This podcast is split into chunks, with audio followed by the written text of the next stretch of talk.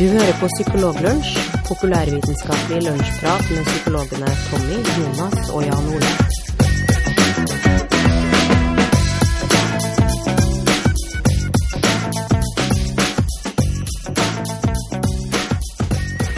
Hallo, hallo, ja, og velkommen til en ny episode Psykologlunsj. En eh, sommerlig eh, psykologlunsj hvor vi alle har eh, eh, gjort eh, en del siden sist. Eh, blant annet så er det en av oss som har sykla fra Trondheim til Oslo. En ganske sånn eh, en grei distanse.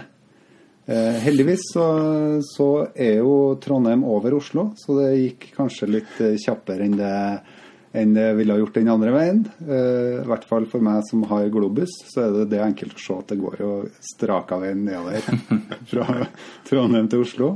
Eh, hvordan eh, Ja, du skal snakke litt om det senere, skal vi ikke det, Jan Ole? For det er du som har sykla. Ja, det er jeg som har sykla, og på en sånn tur får man jo tid til eh, å tenke litt, og det skjer jo faktisk litt også. Og det skjedde et par ting som jeg føler har ganske sånn psykologfaglig relevans, da. Og jeg gjorde meg en del betraktninger der som, som jeg tenkte at vi kunne lufte her i dag. Flott. Det, det gleder vi oss til. Og så skal vi også snakke litt om, eh, om eh, hukommelse. eh, Og ha en liten case rundt det. Skal ikke vi det, Tommy? Det skal vi. Vi skal snakke om egentlig mangel av hukommelse. Fravær av hukommelse. Vi skal ta for oss nok en case. Vi har vært gjennom Finnes Gage tidligere, og i dag så skal vi snakke om det veldig kjente kasuset HM, eller Henry Molaison, som den heter, heter egentlig. Så det blir bra. Det blir, det blir veldig bra. Så det, så det er ikke Maurits som Ikke, var ikke Henry Maurits. Det var ikke det. Jeg trodde det var det. Men uh, da må jeg jo ta grunnfag om igjen. Det var du det, som skrev det på den oppgaven. Ja, akkurat. Tok du ikke grunnfag om igjen? Jeg har inntrykk av at alle tok grunnfag om igjen. Nei, jeg var, jeg var jo jeg var ikke så jeg var standhaftig på grunnfag, så jeg, jeg skulle egentlig ha tatt det om igjen. Altså, så at jeg hadde fått med meg litt mer. Uh, ja, men uh, vi to andre vi har jo det, Tommy har jo nettopp uh, kommet seg gjennom en god sykdomsperiode. Mm. Eh, er, du, er du ferdig med bihulebetennelsen? Ja, nå er jeg ganske, ganske bra. Fortsatt litt uh, Otrivin uh, for tiden, men, uh, men uh, det- går mye bedre. Ja. Det er sikkert omtrent like ille som eh, Jan Ole hadde for et døgn siden, når jeg var ferdig ja. med syklinga si. Og apropos bier, eh, så var jeg jo ganske sjaber i helga. eh, Fordi at eh, sommeren er bare full med humle. Det er det. Og eh, i eh, Ja, for å eh, Det er vel, det er vel Jan Ole som starter å snakke litt om, eh, om eh, Trondheim-Oslo, for det er jo en bragd. Det å komme seg hele veien fra Trondheim og nedover Gudbrandsdalen og passere Er du på hvilken side av Mjøsa drar du når du drar fra Trondheim til Oslo?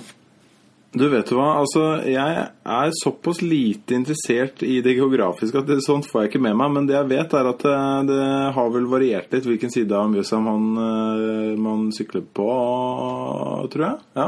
Mm. Men jeg, jeg satt jo, jeg satt jo og fulgte deg på GPS-en din. Ja, det vil Ja. jeg. Så, så jeg vet at du passerte Gjøvik. ja. Og da, da må det ha vært på, på vestsida av Mjøsa, altså. Ikke, ikke sant? Ja. Og da tenkte jeg å tvitre 'alle har et søskenbarn på Gjøvik'. Eh, men det er ikke så mange som har en lunsjkamerat der. Som eh, er i Gjøvik i eh, veldig kort tid. Ja, for det var veldig kort tid. For du sykla jo egentlig ganske fort. Vi endte opp med å sykle ganske fort. Nå sykla ikke jeg alene, men jeg sykla med et lag. Eh, som faktisk vi hadde fått til å trent eh, ganske bra. Så vi sykla mye fortere enn det vi hadde planlagt og klokka inn på 18 timer og 20 minutter. Noe som resulterte i at hun dama vi hadde med oss, faktisk vant uh, klassen sin. Ja. Yes. Uh, Så det var, det var en respektabel uh, tid, da. Men det som, det som er, er to ting jeg spesielt la merke til på denne turen. Eh, Og det som har psykologisk relevans, da, føler jeg. Og det ene, det var eh, at eh, når man sitter på det setet eh, og tråkker og har veldig, veldig lite pauser, så blir man jo på et eller annet tidspunkt, og det høres kanskje overraskende ut for folk flest, så blir man på et eller annet tidspunkt litt sliten. Eh, og man får kanskje litt vondt eh, i nakke og skuldre og rygg og sånne ting. Og så blir man kanskje litt sånn desillusjonert og eh, begynner å få tanker om at det ikke er så veldig gøy eh, å gjøre det. det. Det dukker opp. Men det fascinerende med det er at enten det var smerter eller det var veldig negative tanker, er at det, det, er, det er ganske forbigående. Og for min del så registrerte jeg at det endte opp med å bli sånne 20-minuttersperioder. Som eh, ofte ble avløst av perioder med eh, ganske endeløs optimisme og godfølelse. Eh, og noe av det som, av det som er, eh, var aller mest fascinerende i det, er at det, mens, mens man er i disse fasene, så eh, antar man at den fasen kommer til å vare for alltid. Så når man er der nede, så tenker man at dette kommer aldri til å gå bra. Nå, nå, dette er ikke gøy i det hele tatt. Og når man da er i en sånn uh, oppeperiode, så tenker man at de neste 10-11-12 timene på sykkelsetet kommer til å gå Det kommer til å ikke være noe problem. Og så blir man jo motbevist ganske raskt eh, på det. Og det, og det syns jeg, det synes jeg kanskje er litt sånn Det vet vi jo også fra forskningen, eh, at eh, psykologisk forskning, at det å gjøre vurderinger av både eh, fortiden vår og framtiden vår blir veldig farga av de følelsene vi har her og nå. Egentlig så er det ikke sånn at vi ser for oss fortiden vår eller framtiden vår. Det er egentlig mer sånn at vi tar de følelsene vi har her og nå, og så legger vi det over eh, over den eh, visualiseringen av fortiden eller eh, framtiden som, vi, eh, som vi ønsker å gjøre.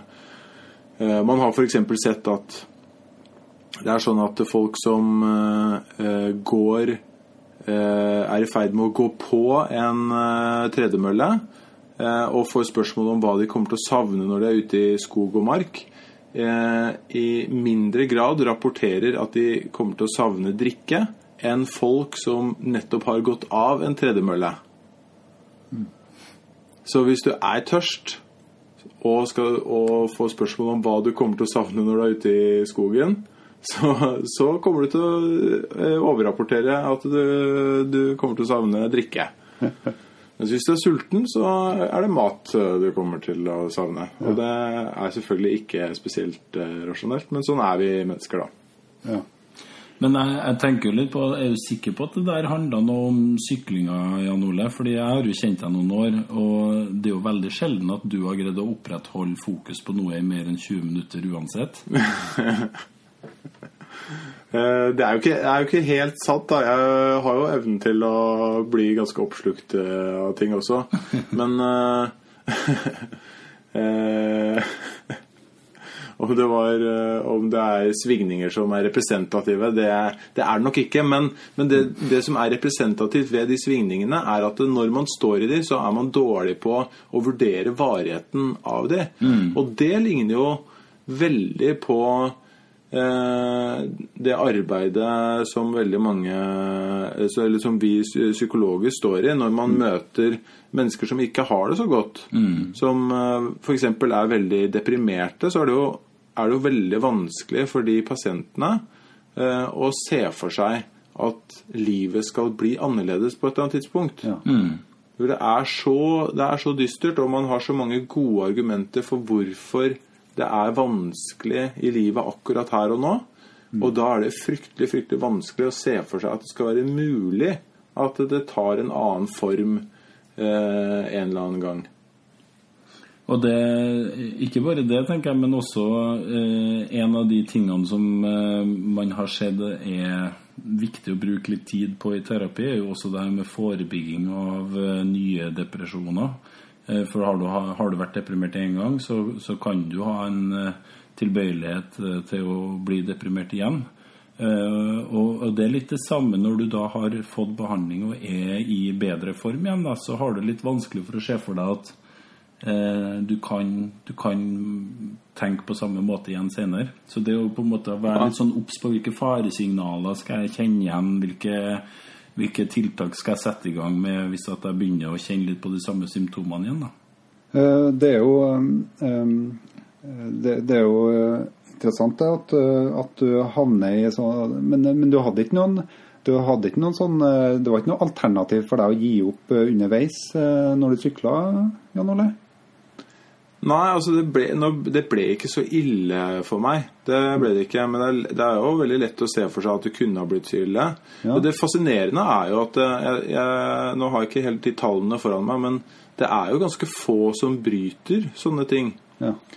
Eh, så, så, selv om det er helt åpenbart at eh, folk ofte melder seg på og har, har et mye dårligere grunnlag enn det de burde ha, og har vært litt vel optimistiske, så, så er det ganske få som bryter det. Jeg lurer på om det er uh, godt over 90% som fullfører, altså.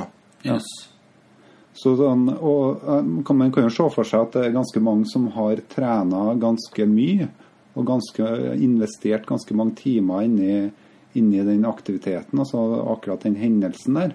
Og at man da kanskje at det kanskje da er, også er enklere, altså så lenge du har et, et definert mål med, med det, du, det, du, skal gjøre. Det, det å komme deg til Oslo, det får briste eller bære, men du skal i hvert fall komme deg dit.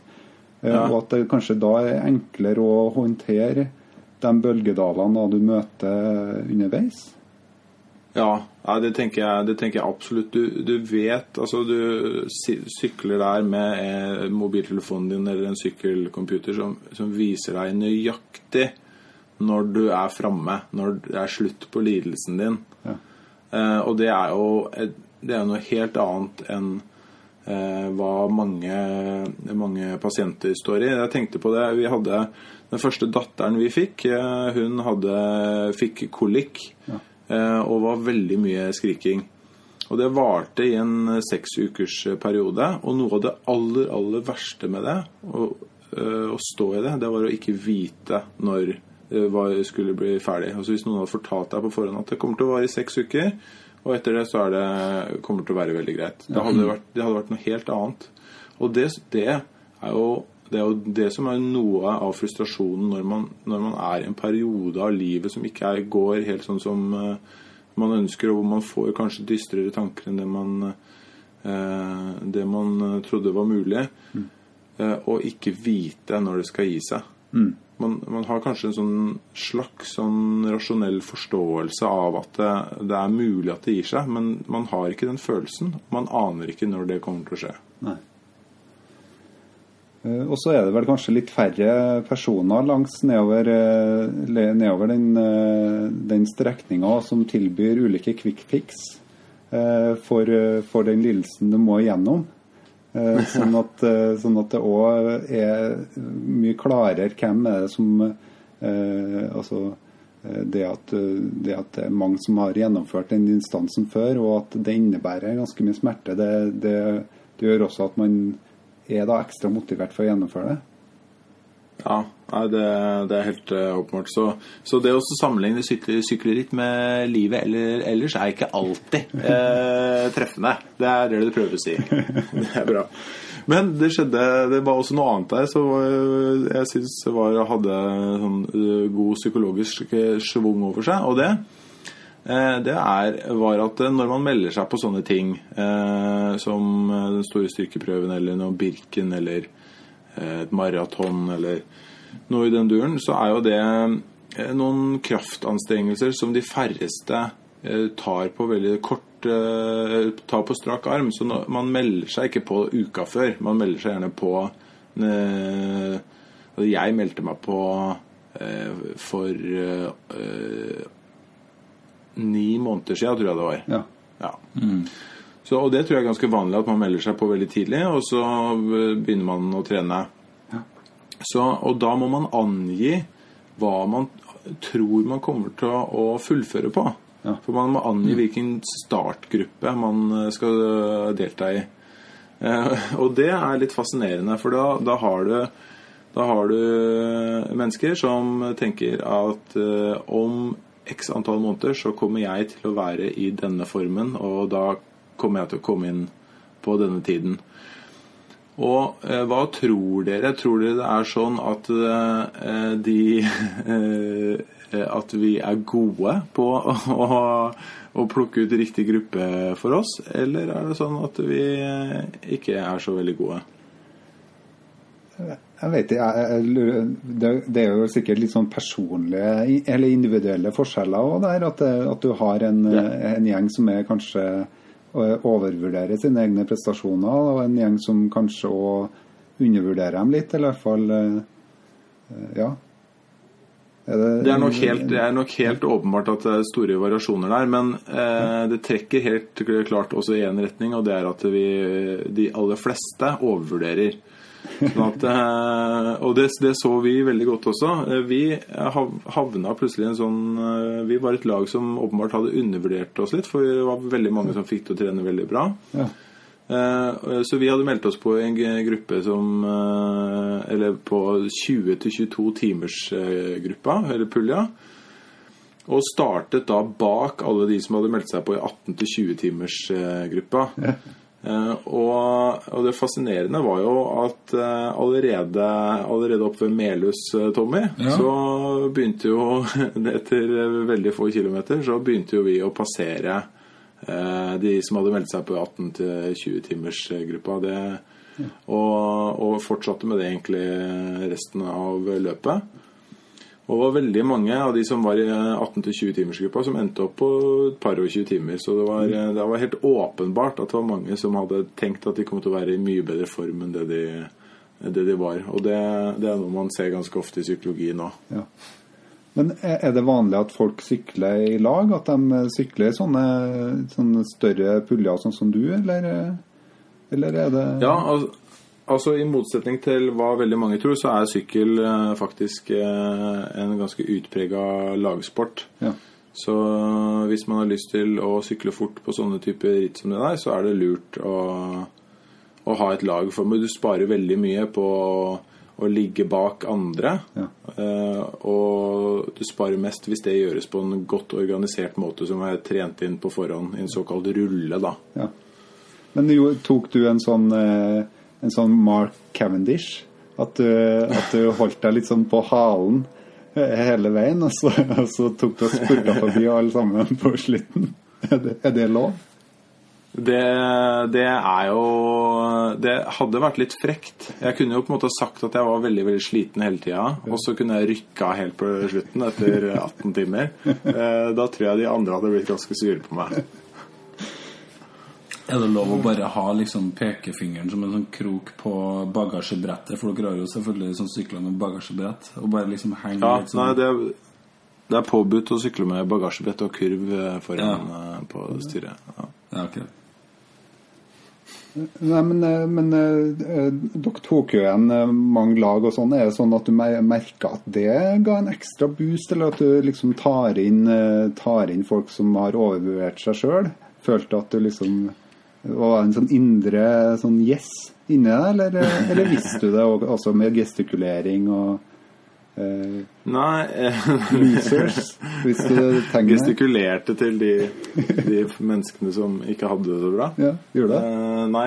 nei, men det gir jo en god følelse. Da, da føler man jo i hvert fall at man har en progresjon. Det må jo være en bedre følelse det enn å, enn å skli nedover i, i feltet, på en måte. Ja. Så eh, Og man er jo full av adrenalin, og det, det, er, det, er en, det er en rar følelse. Og det er jo ikke, det er ikke noe man liksom I hvert fall ikke jeg pleier å gjøre. Så det er, det er en veldig sær følelse å kjenne på eh, Man blir et litt sånn annet menneske i en helt ny situasjon. Så interessant opplevelse. Absolutt. Det er, jeg ser jo for meg det å i det hele tatt melde seg på eh, den eh, Er det styrkeprøven den kalles, ikke det? Eh, Ja. eh, det å i hele tatt melde seg på den er jo Det er jo et snev av eh, optimism bias i det i seg sjøl. Vet ikke?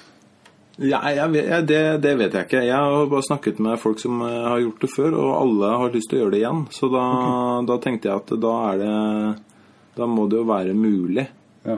tenkte jeg. Ja. Og det er, det er mange mennesker som gjør det, så det er jo, det er jo mye mer overkommelig enn det man tror. Men eh, du har jo også vært eh, Du har jo ikke bare brukt sykkel for å komme deg over lengre distanser, du har også brukt eh, joggesko, har du ikke det? Du har jo vært med på en del maraton og, og sånne type ting. Jeg har, eh, har gjort det òg, ja. ja.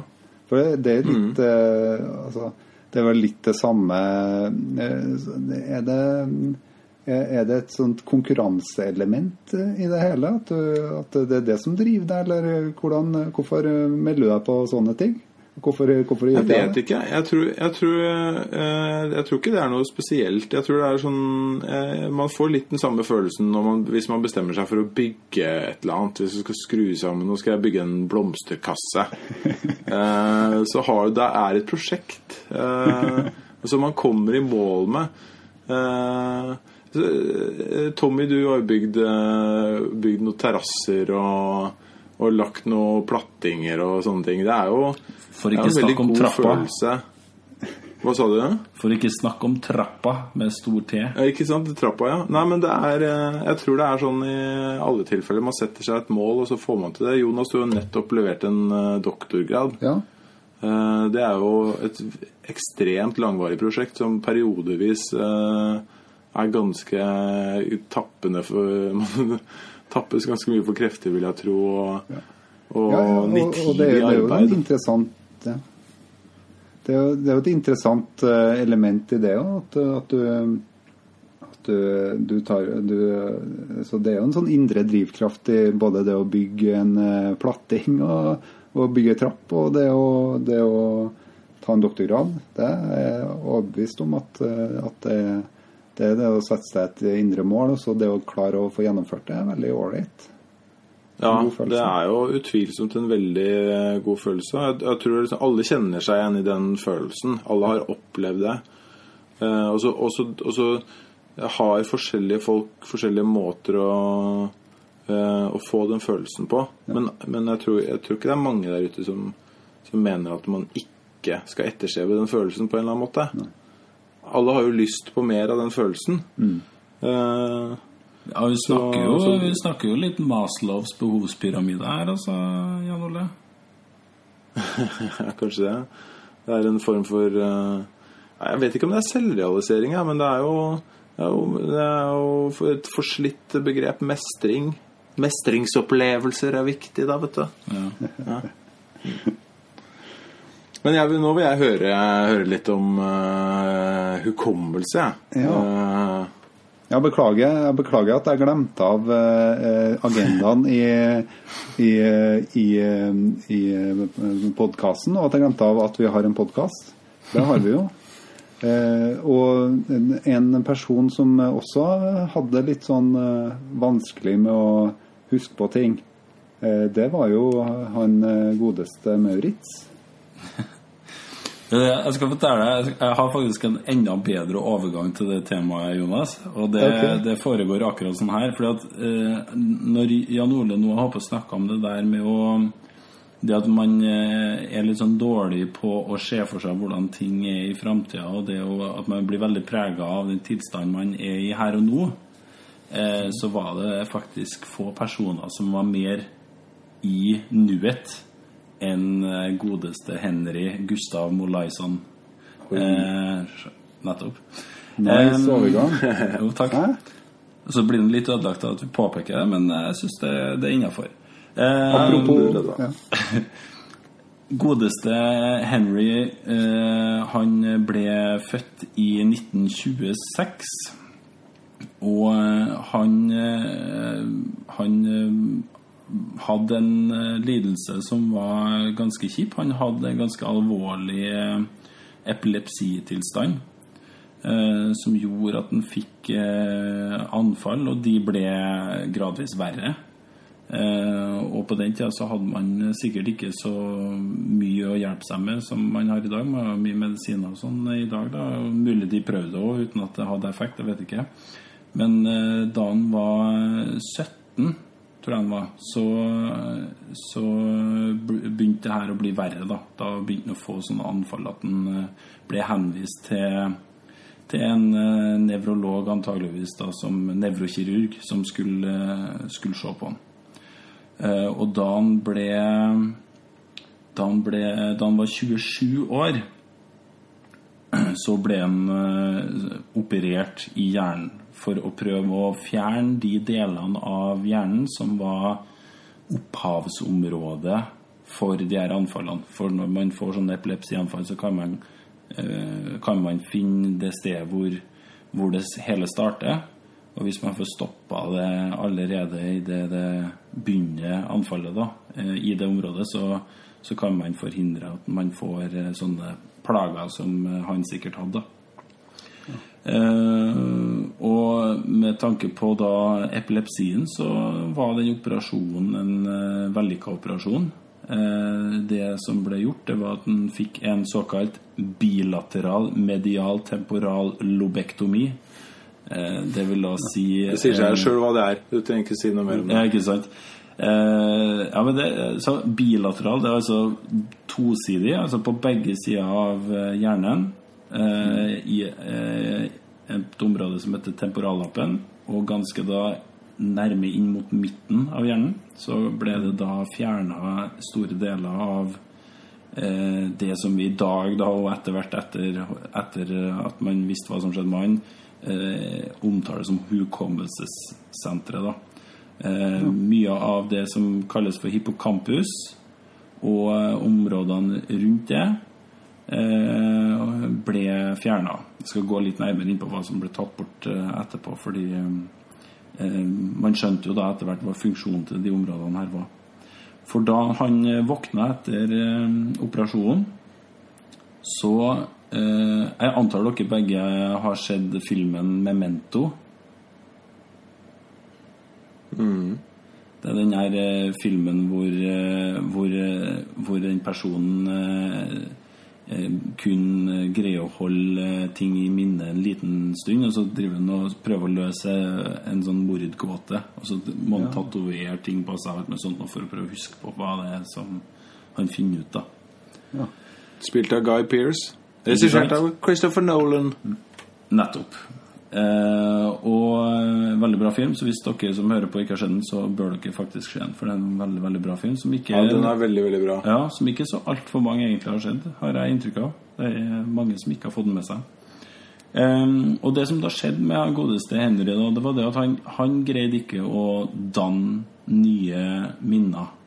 Eh, ofte når folk tenker på hukommelsestap, så tenker man kanskje på sånn personer som har Alzheimer og sånn, som begynner å glemme ting som har skjedd i fortida. At man glemmer eh, hva man eh, gjorde forrige uke og, og sånt nå, og så begynner man å glemme barndommen videre bakover. da. Men det som skjedde med han eh, Henry, da, det at han huska egentlig ganske, ganske mye eh, før eh, operasjonen, men han var helt ute av stand til å danne nye minner eh, av en spesiell type, men det vi som regel omtaler som hukommelse, eh, i de påfølgende årene.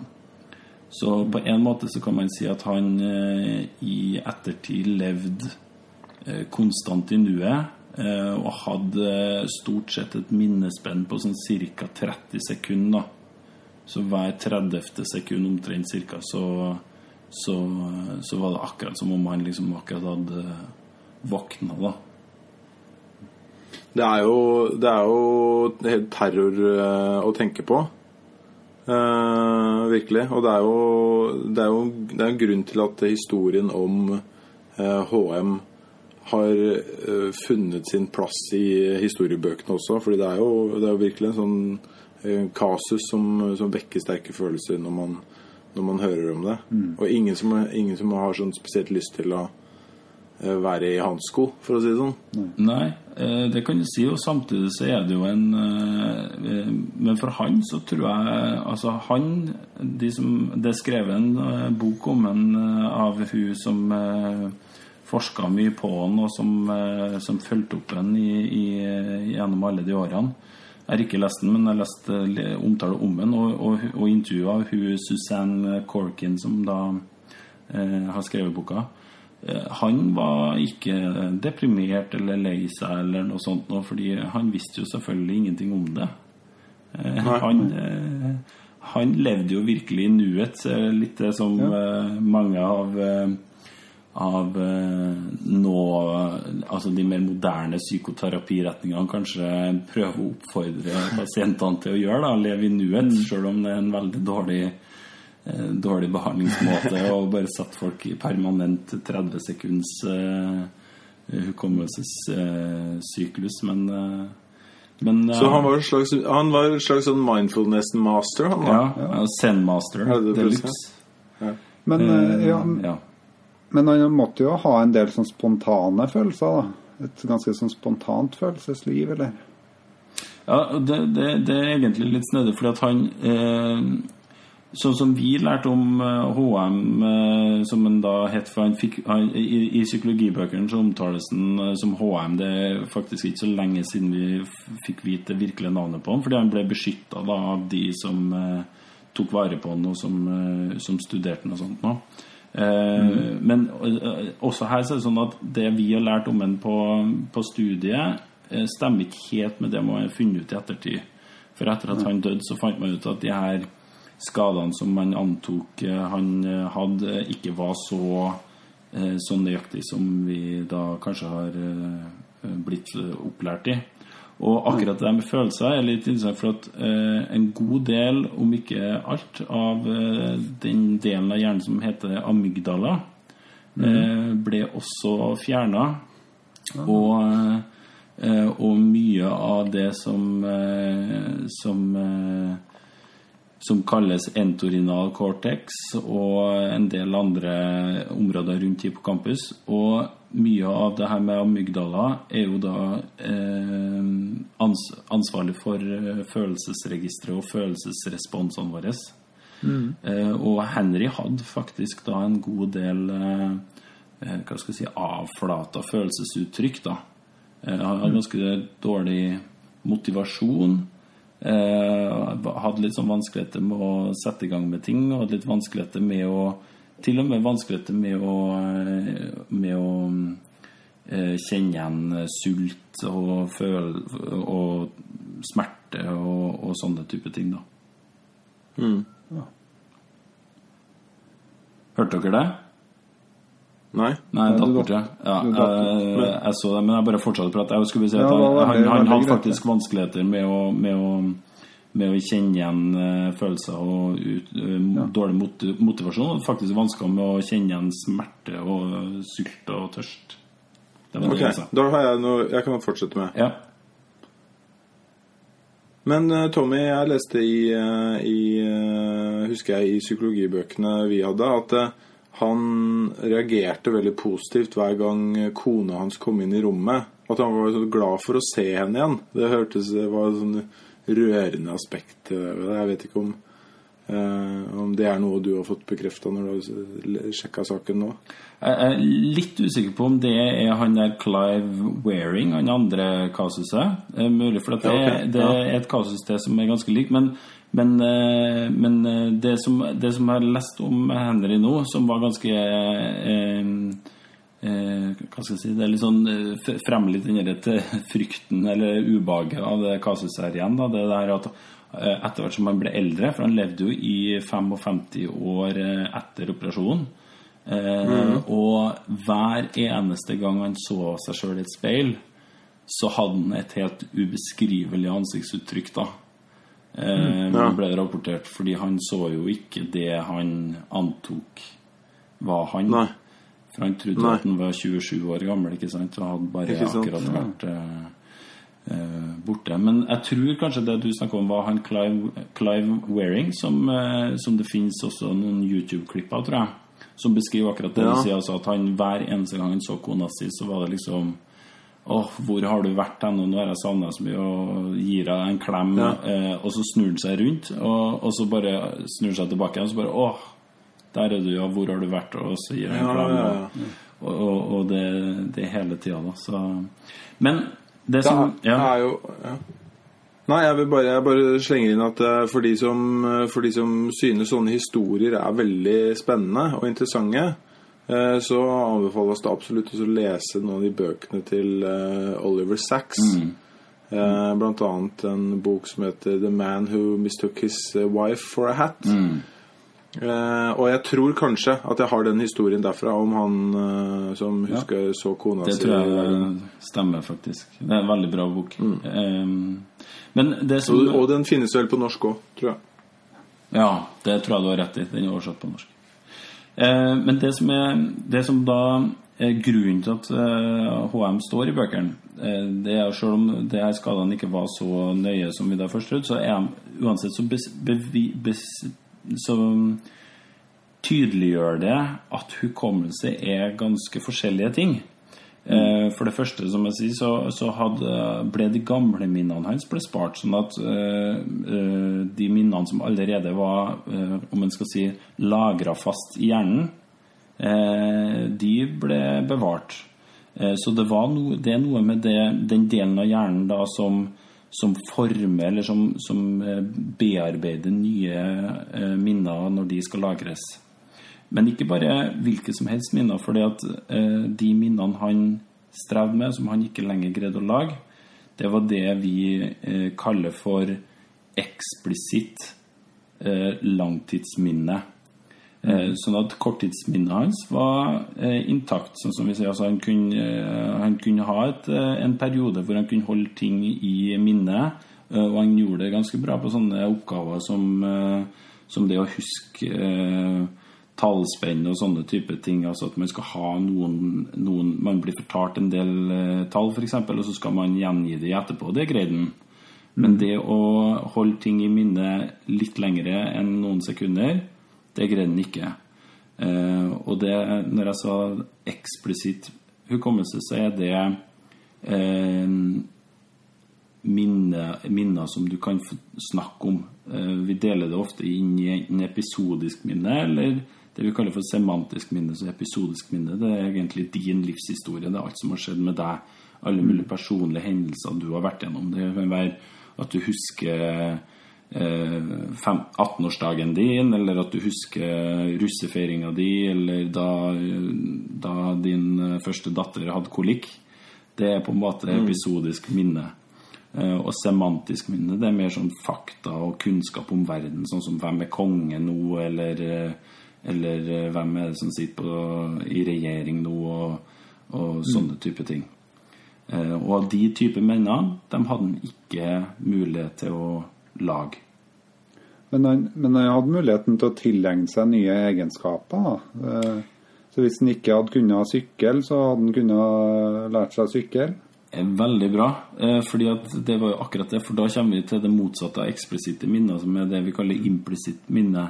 Eh, og det er type ting som, som ikke er så lett å, å beskrive med ord. Altså Det er ikke så lett å beskrive minnet, hvordan du sykler, med ord. Eh, det er noe som læres som en skal si, i musklene, eller læres i kroppen. da. Eh, og det, der hadde han en del sånne egenskaper som han greide faktisk å lære seg uten at han da sjøl var klar over det. For han hadde ikke noe minner om at han hadde lært seg. Så et eksempel var det at han, at han greide å lære seg det å så skrive eh, eh, ved å se eh, penn og papir og hånd i et speil. Noe som er ganske vanskelig. Eh, det Ja, han skulle tegne rundt en sånn stjernefigur. ja. Så får han ikke se hånda og papiret sitt når han får se det i, i et speil i stedet. Eh, og det er ganske vanskelig, men det kan du bli ganske dyktig på hvis du gjør det veldig ofte, og gjør det jevnlig. Uh, og det var en sånn type ting som ikke sant Når han da uh, fikk et papir med en sånn figur på en penn, Så bare rasa liksom hånda rundt den figuren etter hvert, og han hadde ikke peiling på hvorfor den gjorde det, for det hadde han jo ingen minne om at han hadde gjort før. Var det, da da han fikk det, var det da han fikk det merkelige ansiktsuttrykket når han så seg selv i speilet? speil, eller? Ja, ikke sant? Så bare speilmaster, liksom, i, i den oppgaven der. Så, så det, det, det tyder da på at det er eh, ulike deler av hjernen som er ansvarlig for de ulike typene minner, da. Ja. Det tyder jo veldig på det. Jeg bare leste et sånt eksempel i dag. Jeg leser en bok som heter 'Fooled by Randomness' av eh, Nicholas eh, Nassim Taleb. Og, og eh, han beskriver lignende pasient i den boka, en, en dame. Og hvor legen som eh, behandlet denne damen, som heller ikke hadde dette korttidsminnet, ved et par anledninger gjemte en nål i hånda når han hilste på henne. Ja. Eh, og tok henne i hånda. Og så Ja. Da stakk hun seg. Og hun hilste jo på, følte jo at hun hilste på den legen for første gang, men etter et par ganger så, så tok, torde hun ikke å ta han i hånda. Nei. Eh, selv om hun følte at hun aldri hadde møtt han før, så eh, trakk hun til seg hånda da han strakk ut eh, hånda si. Ja. Så det er jo det er, det er helt åpenbart at vi lærer på, på forskjellige måter. Og det er jo det er krystallklare eksempler på det. og Veldig interessant. Ja, og, og hvis en kan få mm, tenke å fundere litt videre over det, eh, og ta, dra det litt inn til klinikk igjen, og det her med når vi jobber med pasienter, så er det en ting som blir veldig sånn komplisert når at man snakker med personer som har vært utsatt for veldig veldig mange og, og grove traumer, kanskje spesielt mm. tidlig i barndommen, hvor man eh, ikke har eh, kanskje ikke har utvikla det, det aller beste språket for å kunne sette ord på ting og plassere det så godt, eh, så kan man si at folk kan ha en del sånne merkelige handlingsmønster i en del settinger som de kanskje sjøl ikke helt forstår også. sånn at mm. eh, det, det, det er ikke bare det å ha det minnet nødvendigvis, men det kan være andre ting også som gjør det hele ganske vanskelig. da. Man kan ha vanskelig med å forstå- seg sjøl. Jeg tror jo, jeg tror jo eh, mange som har hatt opplevelsen av at, at eh, kroppen på en måte tar sine egne avgjørelser noen ganger. Og jeg tenker spesielt hvis, eh, hvis det er noen som har hatt eh, en eller annen eh, har hatt frykt for noe. At eh, en, enten det er en edderkopp eller det å fly eller et eller annet annet, eller store høyder, så kan man være så prøve å være så rasjonell oppi hodet sitt og snakke til kroppen sin så mye man bare vil, men den, den reagerer likevel. Eh, Så, så det er et, også et eh, eksempel på at det er eh, litt sånn delvis uh, uavhengige systemer. Ja, absolutt. Um, så skal jeg bare nevne et par ting til som var litt interessant. fordi at um, Selv om jeg sier at han hadde ikke noen sånn retrograd amnesi som dette, altså Amnesi betyr hukommelsestap, da, men, og retrograd betyr da at man f.eks. mister minnene om barndommen. Eh, men han hadde litt av det, for han hadde faktisk vansker med å huske eh, perioden i de, de aller nærmeste årene i forkant av eh, operasjonen. Sånn at det er noe som tyder på at han eh, fikk også ødelagt da eh, minner som ikke var blitt lagra ordentlig, om en skal si det sånn, da, i hjernebarken. Men med unntak av et par ting som også er litt interessant. Eh, det ene var at han hadde tatt en flytur eh, som han hadde fått i gave etter at han eh, ble ferdig på high school. Og det var noe han hadde gleda seg veldig til, og han hadde liksom sett veldig fram til det. Og hadde liksom hele prosessen med å kjøpe billetter, og det var en stor ting, da. Og den andre tingen var at han hadde stjålet en sigarett fra faren sin og hadde røyka den, og så hadde han blitt veldig dårlig.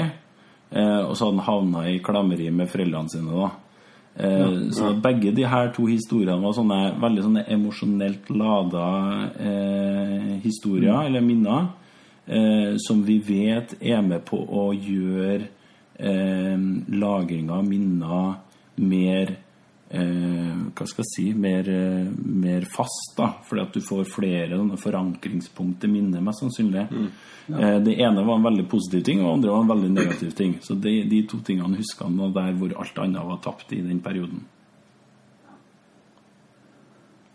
Kjempeinteressant eh, historie om eh, HM, egentlig. Altså, det er jo eh, Vi var jo litt innpå mindfulness og de nye terapiretningene som, eh, som eh, prøver å oppfordre deg til å leve mer her og nå, og ikke henge deg sjøl så mye opp i, opp i tankevirksomhet og, og, og det man har av minner som går og surrer i hodet. For, for tankene våre, eller, eller Eh, de, de minnefunksjonene som forsvant til han HM, er jo, er jo kanskje ting, egenskaper med mennesket som har gjort oss i stand til å faktisk lage raketter og fått oss opp på månen og, og gjøre ganske sånn kompliserte eh, Få til ganske kompliserte løsninger på ting som har plaga menneskeheten. Da. Ikke at det har plaga oss at vi har sett månen og ikke kommet oss opp dit, men, men vi har i hvert fall hatt den evnen til å komme oss opp dit. Mm. Eh, og HM er kanskje en, sånn, en god læring. Det som er en viktig læring fra han, er jo at, eh, at på tross av at du mister de egenskapene, så er, man også i stand til å ha til å leve. Mm. Og, og, og eh, enkelte terapiformer er jo, mm, tar jo og adresserer det at vi kanskje er overopphengt i, i, i de minnefunksjonene der de mer, de mer eksplisitte minne, minnefunksjonene som kanskje er med å vekke ubehag over tid. Fordi at, fordi at vi hele tida eh, repeterer eller henter fram de type minnene igjen og igjen og igjen.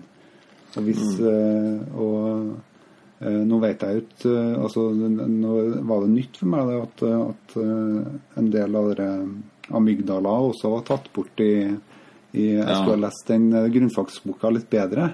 Eh, For det kan jo også eh, Det er jo interessant det at eh, han huska på såpass mye følelsesmessig innhold likevel.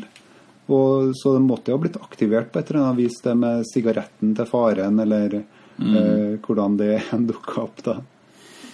Jeg er litt sånn bekymra nå, Jonas, for at eh, altså, hvis må vi må, må vi begynne å advare folk hvis at de går, skal i behandling til deg nå. De sier at du har funnet ut en sånn, veldig en fantastisk ny behandlingsmetode, og så bare drar du fram en sånn batteridrill. Er du, Ikke, ikke begynn med det. Ingen, ingen som hører på deg, må begynne med å, å tukle med, med hippocampus eller uh, amygdala. eller eller uh, hjernen i det store hele. Men, men visste dere forresten det- at uh, Ja. Nei, og, og kanskje noe, noe viktig og det er jo, altså, I teorien så hadde vel HM kunnet sykle fra Trondheim til Oslo. Eh, men det har Ja. kanskje vært vanskelig for han å, å, å hente opp igjen eh, den begrunnelsen for at han gjør det. ja. Så at når han da dukker opp på Melhus og kjenner at mye blir sliten, og at jeg ikke klarer å holde ut dette her, eh, så tror jeg kanskje han ville ha gått av sykkelen. Altså det Ja. hadde ville vært det fornuftige å gjøre, da. Jeg kan ikke huske grunnen lenger. Nei. Nei. Det er ikke sikkert Og det er jo- Jan Ole det gjorde det heller etter hvert, altså. Så jeg, jeg tror det episodiske minnet er også med å, å, å, ska, også, å skape narrativet for hvorfor vi gjør sånn som vi gjør. Det er veldig sant.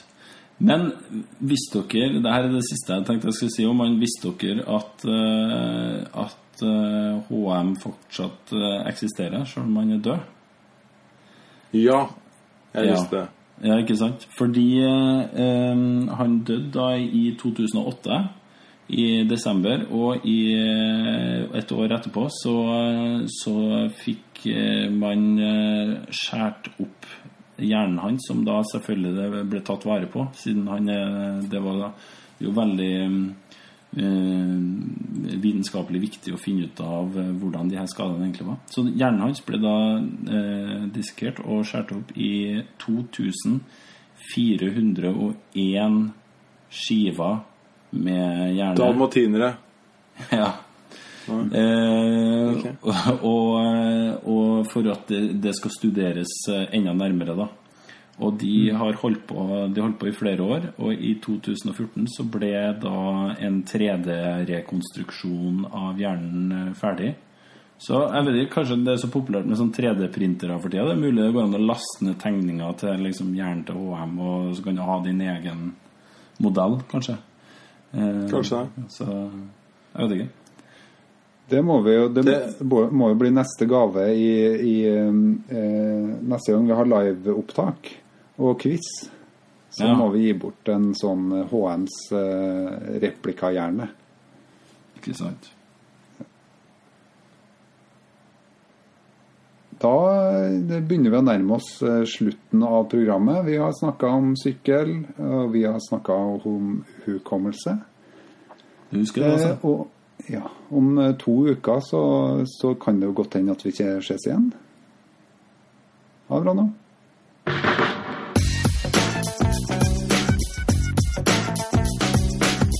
Du har nå lytta til Psykologlunsj. Har du noen spørsmål, kan du søke opp Psykologlunsj på Twitter, eller du kan sende en e-post til psykologlunsj alfakrøll.